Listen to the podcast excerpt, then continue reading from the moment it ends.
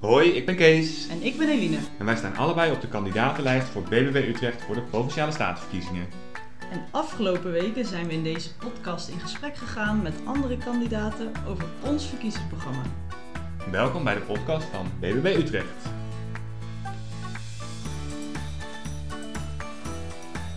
Aflevering 6. Ja, en nu de verkiezingsdag nadert, is het eigenlijk de laatste podcast die we Ja. op de planning hebben. Jammer alweer, hè? Ja, het is bijna 15 maart en eh, ja, we hadden deze, deze podcast gemaakt met het doel om de luisteraars mee te nemen in ons proces, ons verkiezingsprogramma en de kandidaten op de lijst te leren kennen. En ja, we hopen eigenlijk dat dat gelukt is. Nou ja, aan de reacties te horen eh, die we hebben gekregen op de podcast, denk ik dat dat wel, eh, wel gelukt is, toch? Ja, we hebben hele leuke reacties gekregen. Dus ehm, ja, voor ons was het heel leuk om te doen. Ja. Nou, ehm, het klinkt nu alsof het grootste werk op zit. Maar eigenlijk gaat het eh, vanaf 15 maart eh, pas beginnen. Ehm, voor de meesten, of nog voor een aantal op onze lijst. Ik sta zelf op de 15e plek. En van de week zat ik bij Bingo FM. En toen zei de, zei de radiopresentator vrij kansloos. maar, maar Kees, jij zat op de vijfde plek. Hoe zie jij je kansen op dit moment? Ja, dat is, wordt wel spannend, denk ik, eh, woensdag. Het is, ehm, kijk, als je nu naar de peilingen kijkt, en ze, ze zeggen altijd in de, ja, je moet niet naar de peilingen kijken of zo, maar ja, je doet het natuurlijk toch. Eh, en Ipsos, die peilt ons, nou ja, dat is ook alweer twee weken geleden, die peilde ons op drie zetels. En Maurice de Hond peilde ons af, vorige, vorige week op zes. Eh, dus het zal, denk ik, ergens tussen die drie en die zes eh, liggen. Ehm, dus vijf zou kunnen, ja. Maar het moet nog wel gebeuren woensdag. Dus. Ja. Ja, benieuwd. Maar ook Eline, kijk, jij zegt ik sta op plek 15, dus redelijk, redelijk kansloos. Ja, dat is denk ik wel zo, ja. Eh, maar, kijk, eh, daarna hebben we jou natuurlijk nog steeds heel hard nodig ook. Hè? Want jij hebt natuurlijk een bepaalde expertise op een bepaald vlak. Je, hebt een- je woont in Utrecht, dus jij weet goed wat er daar leeft en speelt. Dus ja, je bent niet weg natuurlijk straks. Nee, dat klopt. Nee. Maar ik zou zelf op dit moment nog niet weten hoe het na de 15e dan echt concreet voor ons uit gaat zien. Ja. Jij wel? Nou ja, dat gaan we denk ik ook allemaal meemaken. We doen het Ja. ook allemaal voor het eerst. Maar eh, dat er veel over ons heen gaat komen, dat denk ik wel dat dat gaat gebeuren, ja. Ja, ja, ja. Inderdaad. Nou, even een terugblik op eh, de afgelopen weken eigenlijk. Wat, eh, ja, we hebben vooral gedebatteerd. En jij Ja. bent daar vooral heel eh, meester in geworden. Nou, dat valt wel mee, denk ik. Nee. Kijk, Anton is natuurlijk eigenlijk, die doet de meeste debatten, maar soms, ja, dan zijn er meerdere debatten op één avond. Dus dan moeten we een beetje verdelen. En ehm, nou, toevallig, eh, ja, het is vandaag woensdag dat we dit opnemen. Dus gisteravond had ik een debat in de Utrechtse Heuvelrug. Gemeente Utrechtse Heuvelrug in Doorn. En ehm nou, het was wel een heel leuk debat. Ik had wel de indruk dat ik daar een beetje in het hol van de leeuw was. Eh, want er werd een beetje gepaald en toen was het toch wel dat. Ik kreeg een beetje de indruk dat vooral GroenLinks en D66 en Partij voor de Dieren in de zaal zaten. Maar goed, eh, verder hartstikke leuk debat. En ik, ja, weet je, we hebben gewoon een goed, goed verhaal. En eh, ik mocht er met D66 in debat over de stelling of, het, of de provincie zich moet gaan verzetten tegen het landelijk stikstofbeleid. Nee, zijn wij natuurlijk voor. Ja. Dus, ehm, dus daar we zijn uitstekende tegen. ja. Ja, ja, nou verder was, eh, nee, jij was dus op de Utrechtse Heuvelrug. Daar kon Anton niet zijn, want hij had het groene verkiezingsdebat in ja, Utrecht. van de natuur- en milieuorganisaties. hè? Ja. Nou, volgens mij is dat ook wel een eh, redelijk, eh, ja, Ook een beetje hol van, het leeuw, van de ja, leeuw eigenlijk. inderdaad, Ja. maar dan in Utrecht. ja, nou, zelf eh, zat ik maandagavond bij je. Ja, jij had ook wel even je, je. Ja, inderdaad, ja. Jij had wel eh, twee doorgewinterde politici tegenover je. Ja, nou die dacht echt, wat doet zij hier? Ik zat inderdaad bij, bij Bingo FM met eh, André van Schie, de nummer 1 van de VVD. En Huib van Essen, de nummer 1 van eh, GroenLinks. Ja.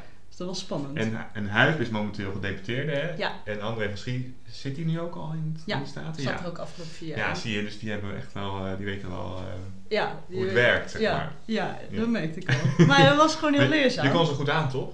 Ja.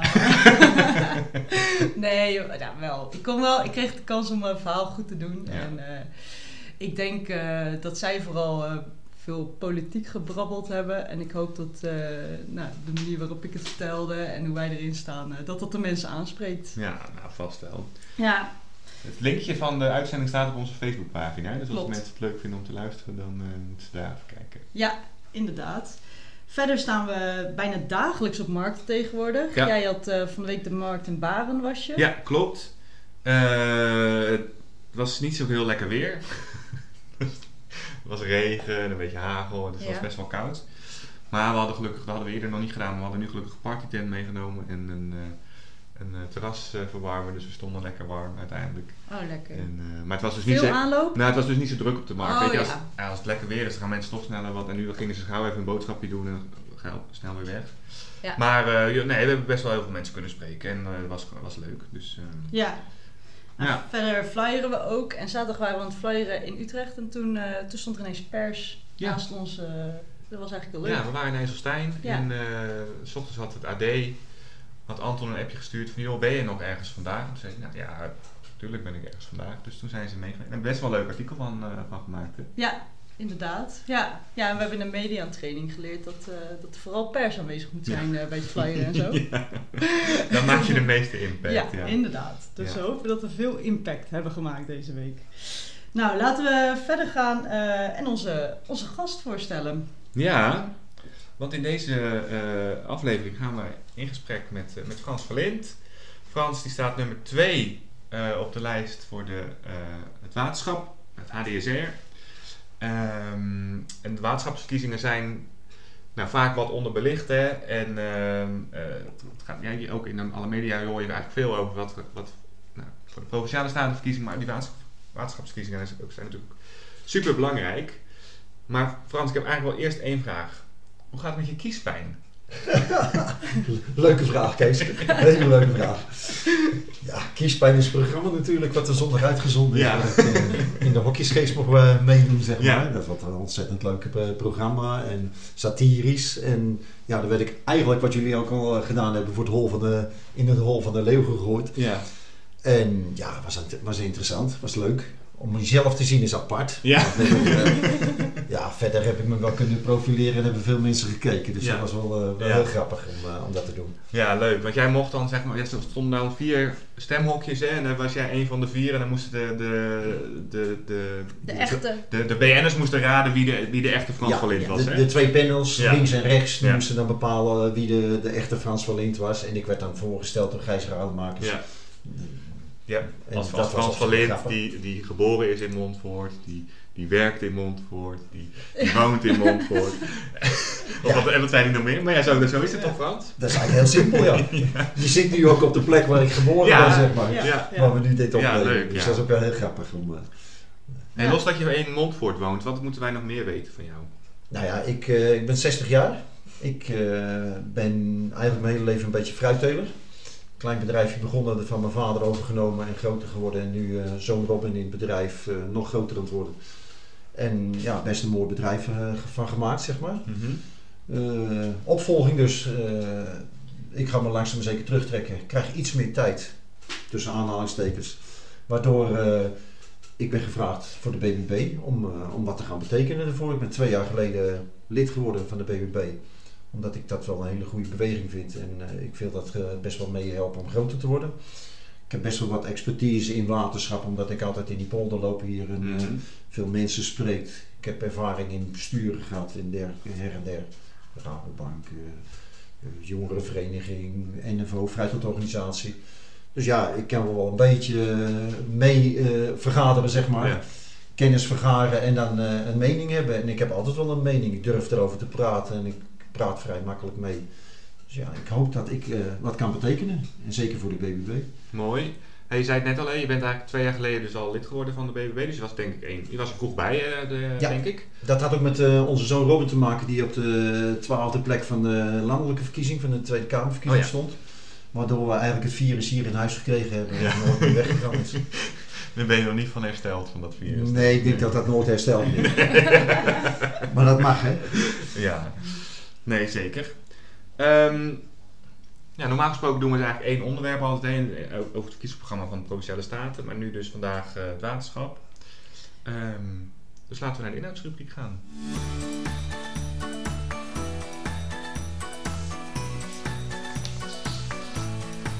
We hebben het vandaag over waterschappen. Nederland telt, eh, is opgedeeld in 21 waterschappen. Dat zijn dus meer waterschappen dan provincies. Deze waterschappen overlappen dan dus ook de provinciegrenzen. En in onze provincie liggen vier waterschappen.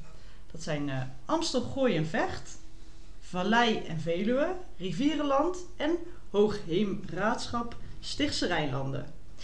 Die laatste bestrijkt eigenlijk het grootste gebied in onze provincie. Ook uh, hoofdstad Utrecht valt binnen dit waterschap. En verder een groot deel van het zuiden van onze provincie. Uh, waterschap regelt het lokale en regionale waterbeheer. Ze zorgen voor veilige dijken, schoon drinkwater en droge voeten. Frans, jij stelt je verkiesbaar voor het waterschap in Hoogheemraadschap Stichtse Rijnlanden. Ja. Waarom?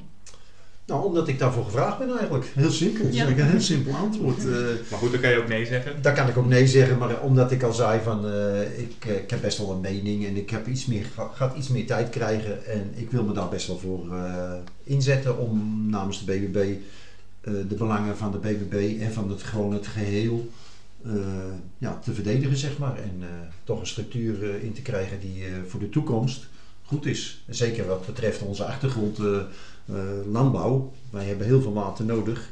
Er zijn ook veel water dat we kwijt willen.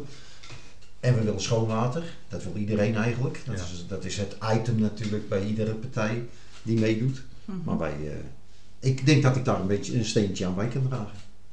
Ehm Mee staat op plek 2. Ja. Ehm, is dat een beetje kansrijk? Dat denk ik wel. Ik eh, ga ervan uit tussen de... Ik zal me tegenvallen als eh, we geen drie zetels krijgen. En ik denk dat we er vier gaan krijgen. Dat, eh, dat moet lukken.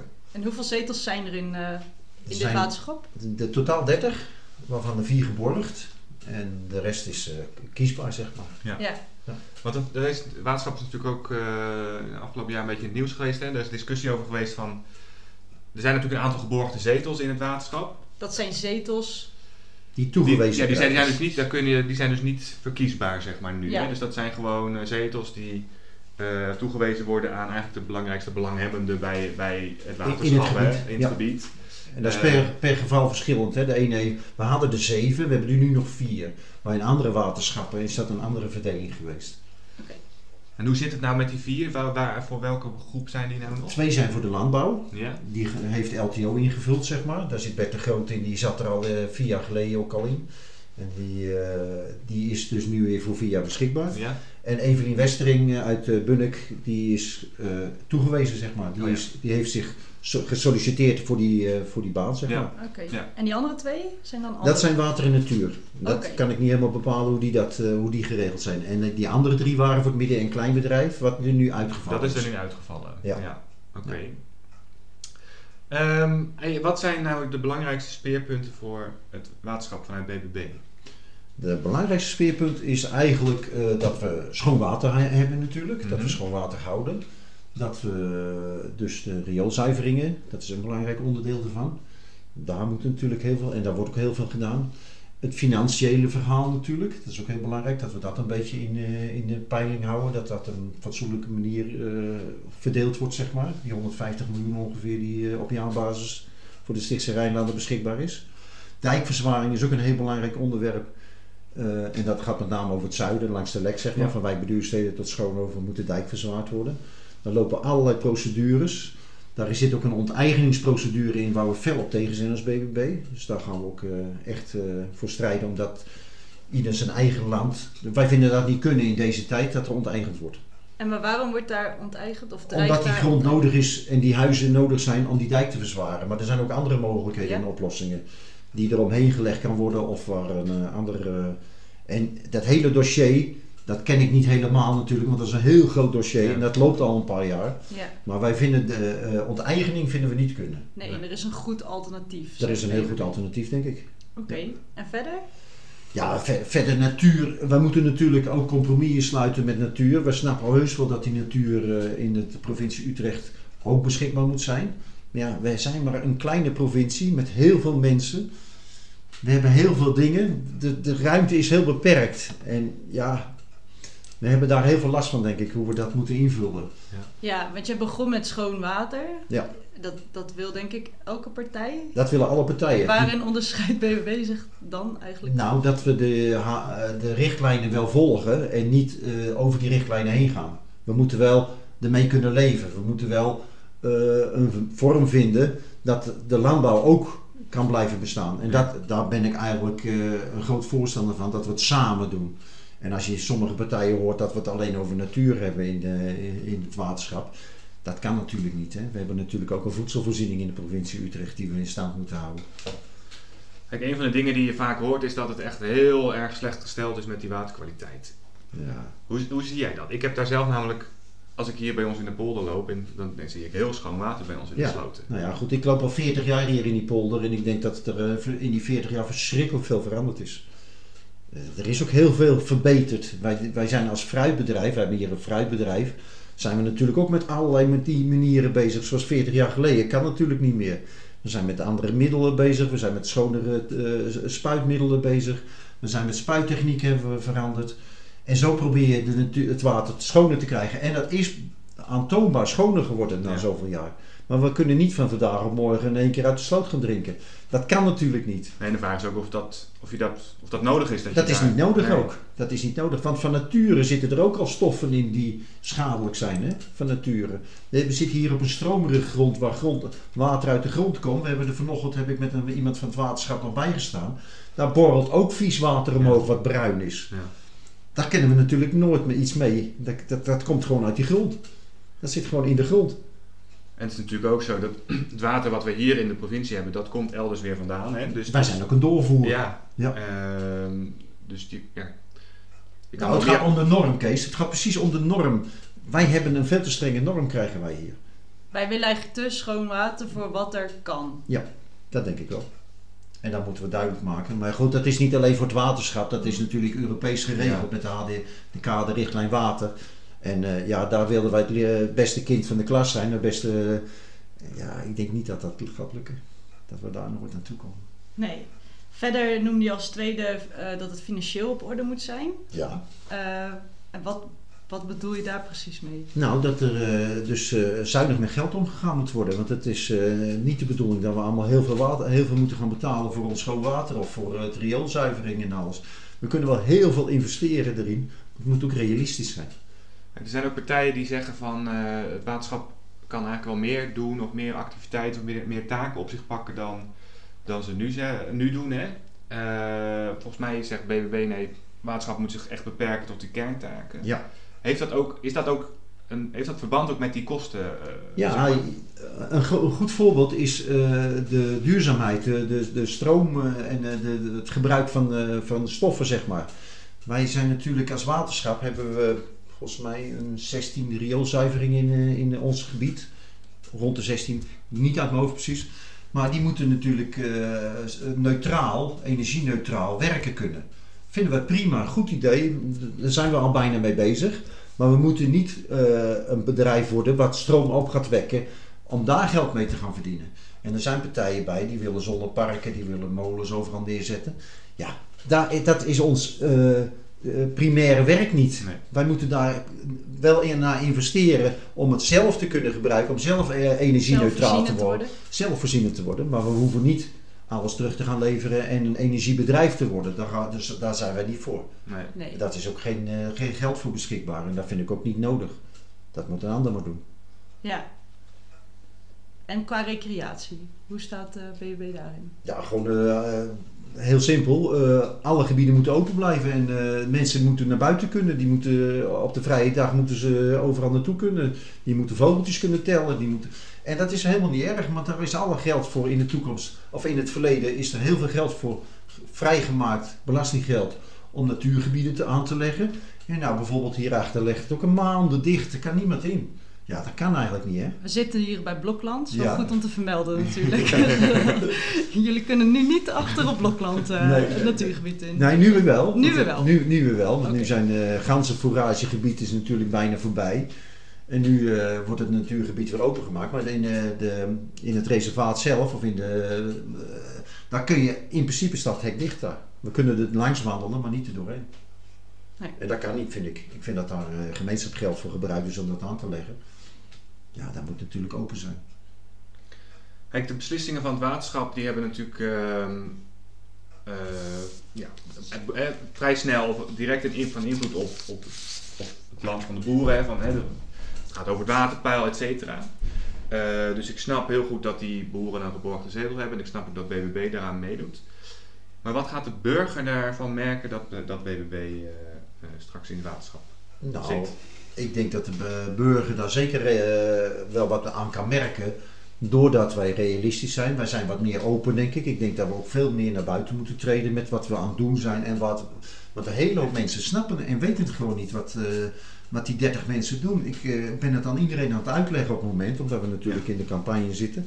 Een hele hoop mensen snappen en weten helemaal niks ervan. Nee, dat horen we ook op de markten en zo. Ja, ja, en ja. ja, je moet naar buiten treden. Eigenlijk moet je gewoon allemaal naar buiten treden. Gewoon als er iets is en niet uh, je eigen eh, alles voor jezelf houden. Maar je moet gewoon zeggen waar je mee bezig bent en wat je aan het doen bent. Ik denk dat dat het allerbelangrijkste is. Er zijn ook mensen die zeggen dat het waterschap uh, misschien wel opgeheven kan worden, of in ieder geval niet meer dat het democratisch verkozen hoeft te worden. Ja. Uh, of dat het moet integreren in de provincies. Hoe zie, hoe zie jij dat? Nou, ik denk niet dat dat kan. Ik denk dat we daar uh, de recht toe hebben om een waterschap te hebben, omdat uit het verleden, we hebben natuurlijk al vanaf Napoleon Het is eigenlijk het is de oudste democratische... Gekozen, ja, ja, ja, het is het oudste. dus ja, we zitten natuurlijk ook met een stukje historie, met een stukje geschiedenis, wat we eigenlijk in stand moeten houden. Dan vind ik eigenlijk dat het hoort.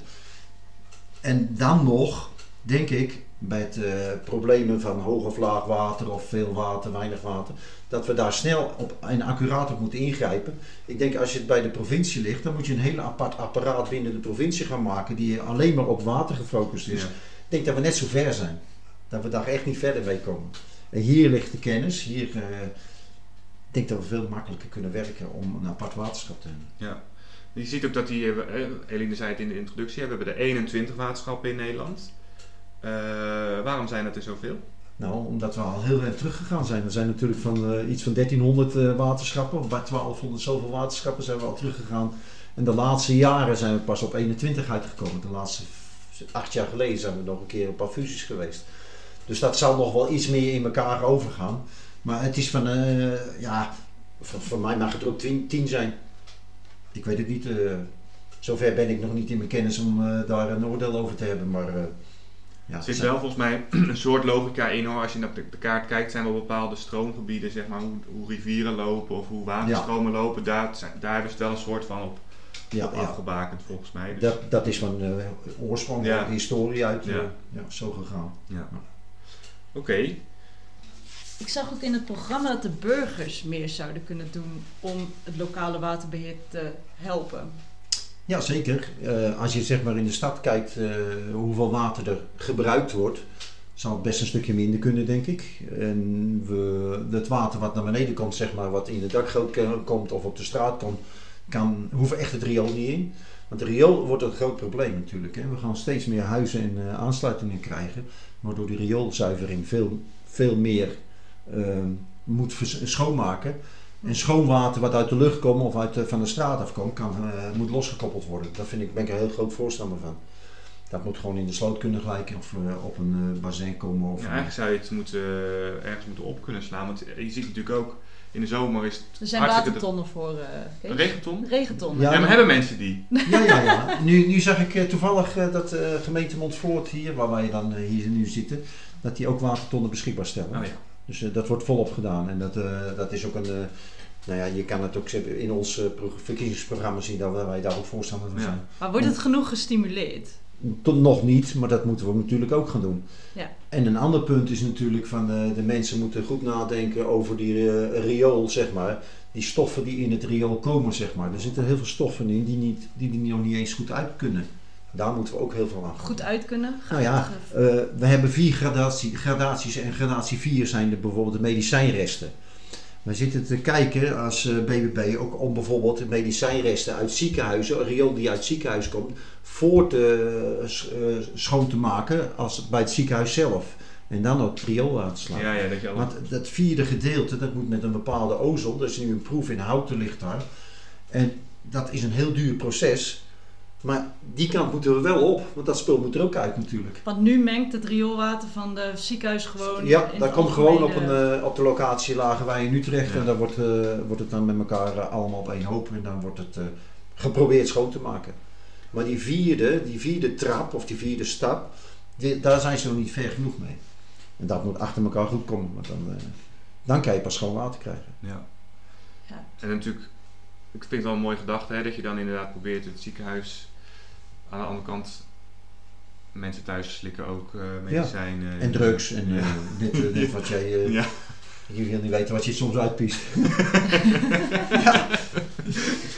Maar beseffen de mensen wel dat, dat dat allemaal schoongemaakt moet worden en dat daar het waterschap ook voor dient, zeg maar. En dat hun daar ook aan mee moeten betalen en daar ook aan mee betalen natuurlijk. En die kosten moeten wel in beheersbaar blijven. En dat Ja. vind ik het allerbelangrijkste. Waar we het net over financiën hadden, die beheersbaarheid van kosten is heel belangrijk. Ja. ja, want mensen, of nou, ik woon in de gemeente Utrecht. En dan eh, schrik je eens per jaar dood als je, eh, als je gemeentelijke belastingen krijgt. Ja.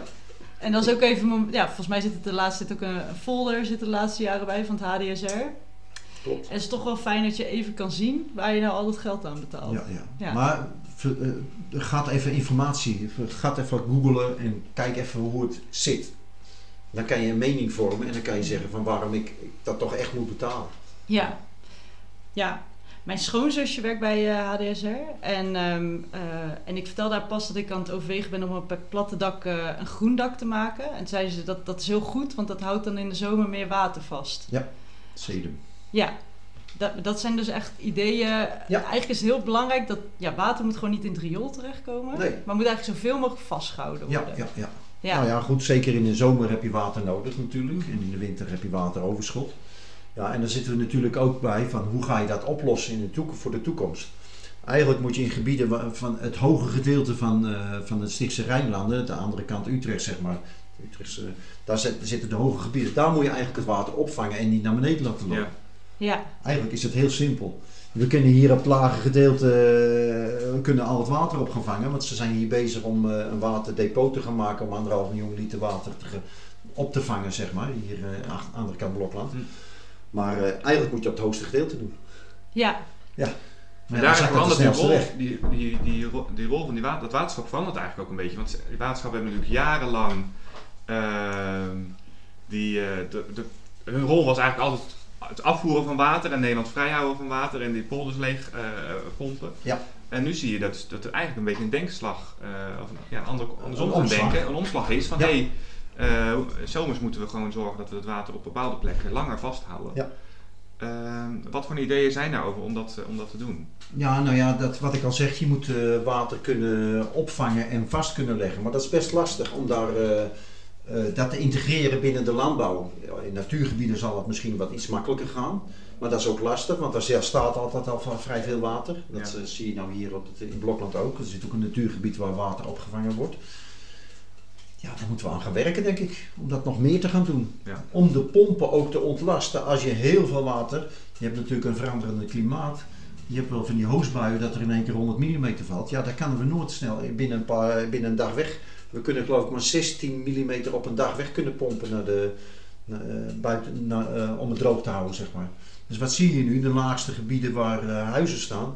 We zien in Woerden hebben we een hele lage wijk waar, waar als er heel veel water valt, dat daar de extra pompen bij gezet moeten Ja, ja. worden. En dat moeten we eigenlijk voorkomen. Ja. ja. Volgens mij is er nog één onderwerp dat we niet besproken hebben. Vertel. En dat is het waterpeil. En dat is natuurlijk een, eh, een punt waarin landbouw en natuur een beetje eh, eh, tegenstrijdig zijn. Hè? Ja.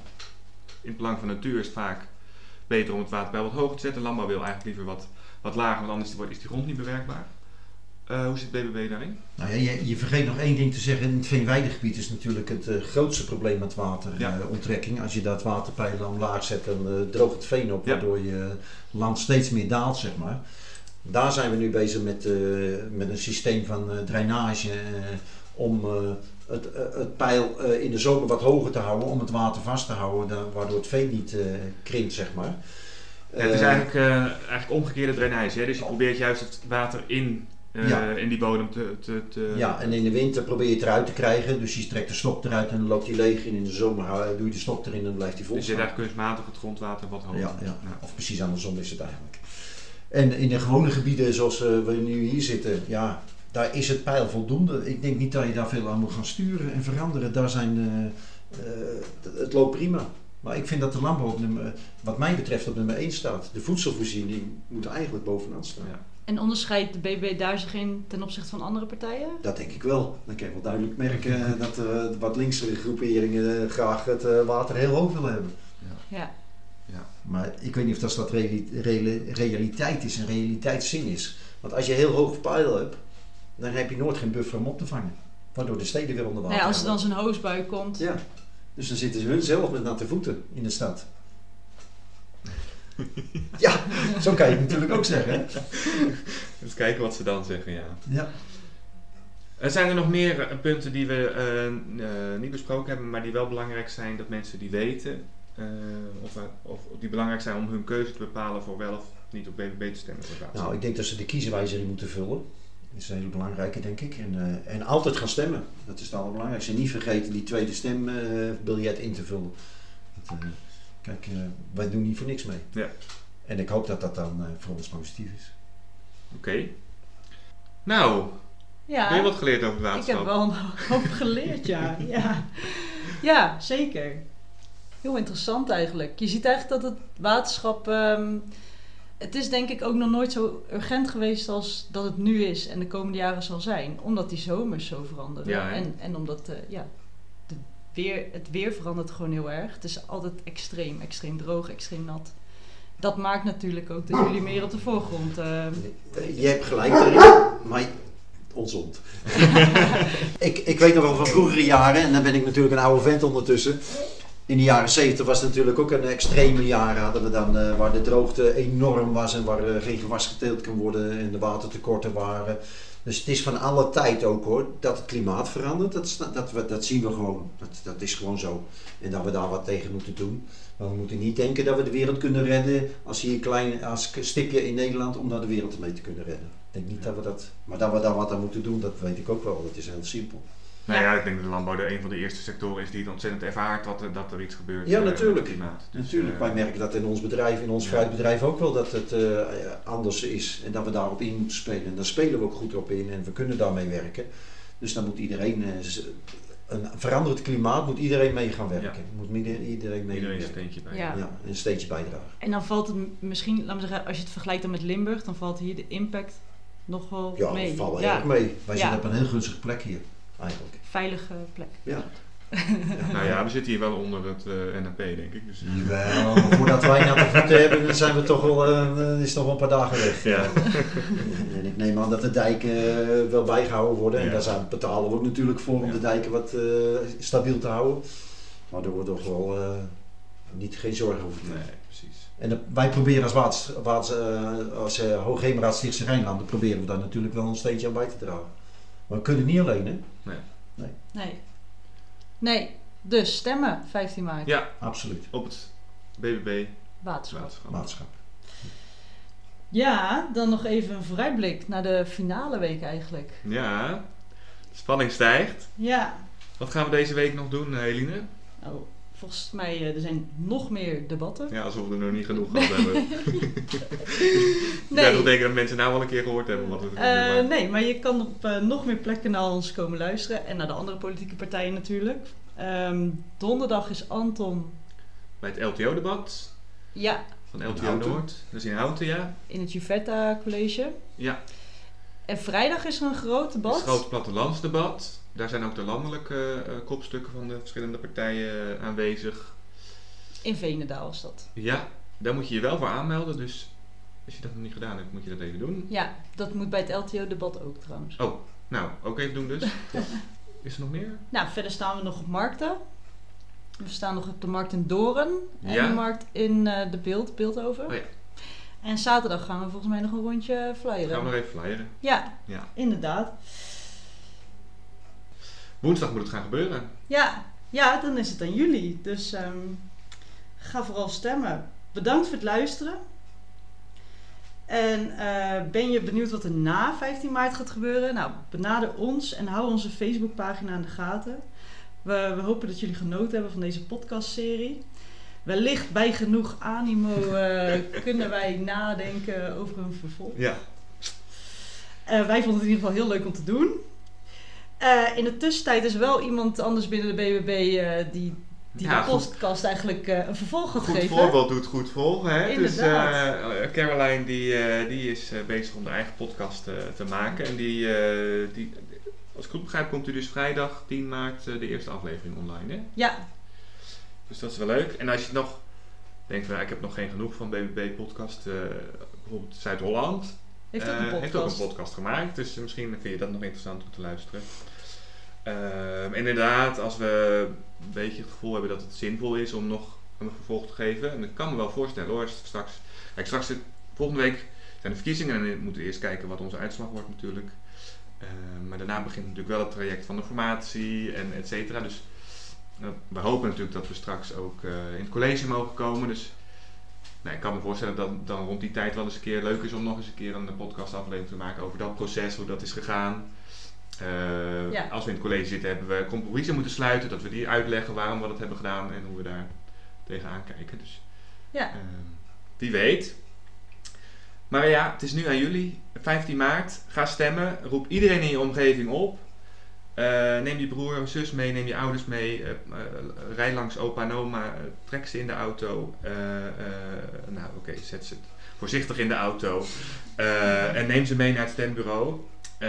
Als je zelf woensdag geen tijd hebt, zorg dat je iemand machtigt om te gaan stemmen. Want het is echt super, het is, ja, super belangrijk dat je dat, dat, je dat doet. Vergeet niet je idee mee te nemen. Ehm, het is echt maar nou, twee minuten werken, dat stemmen. Het is zo gebeurd. Doe het echt, want eh, jouw stem telt. Nou, bedankt voor het luisteren. Ja, dank jullie wel. Superleuk. En eh, ja, ga stemmen. Groetjes. Groetjes.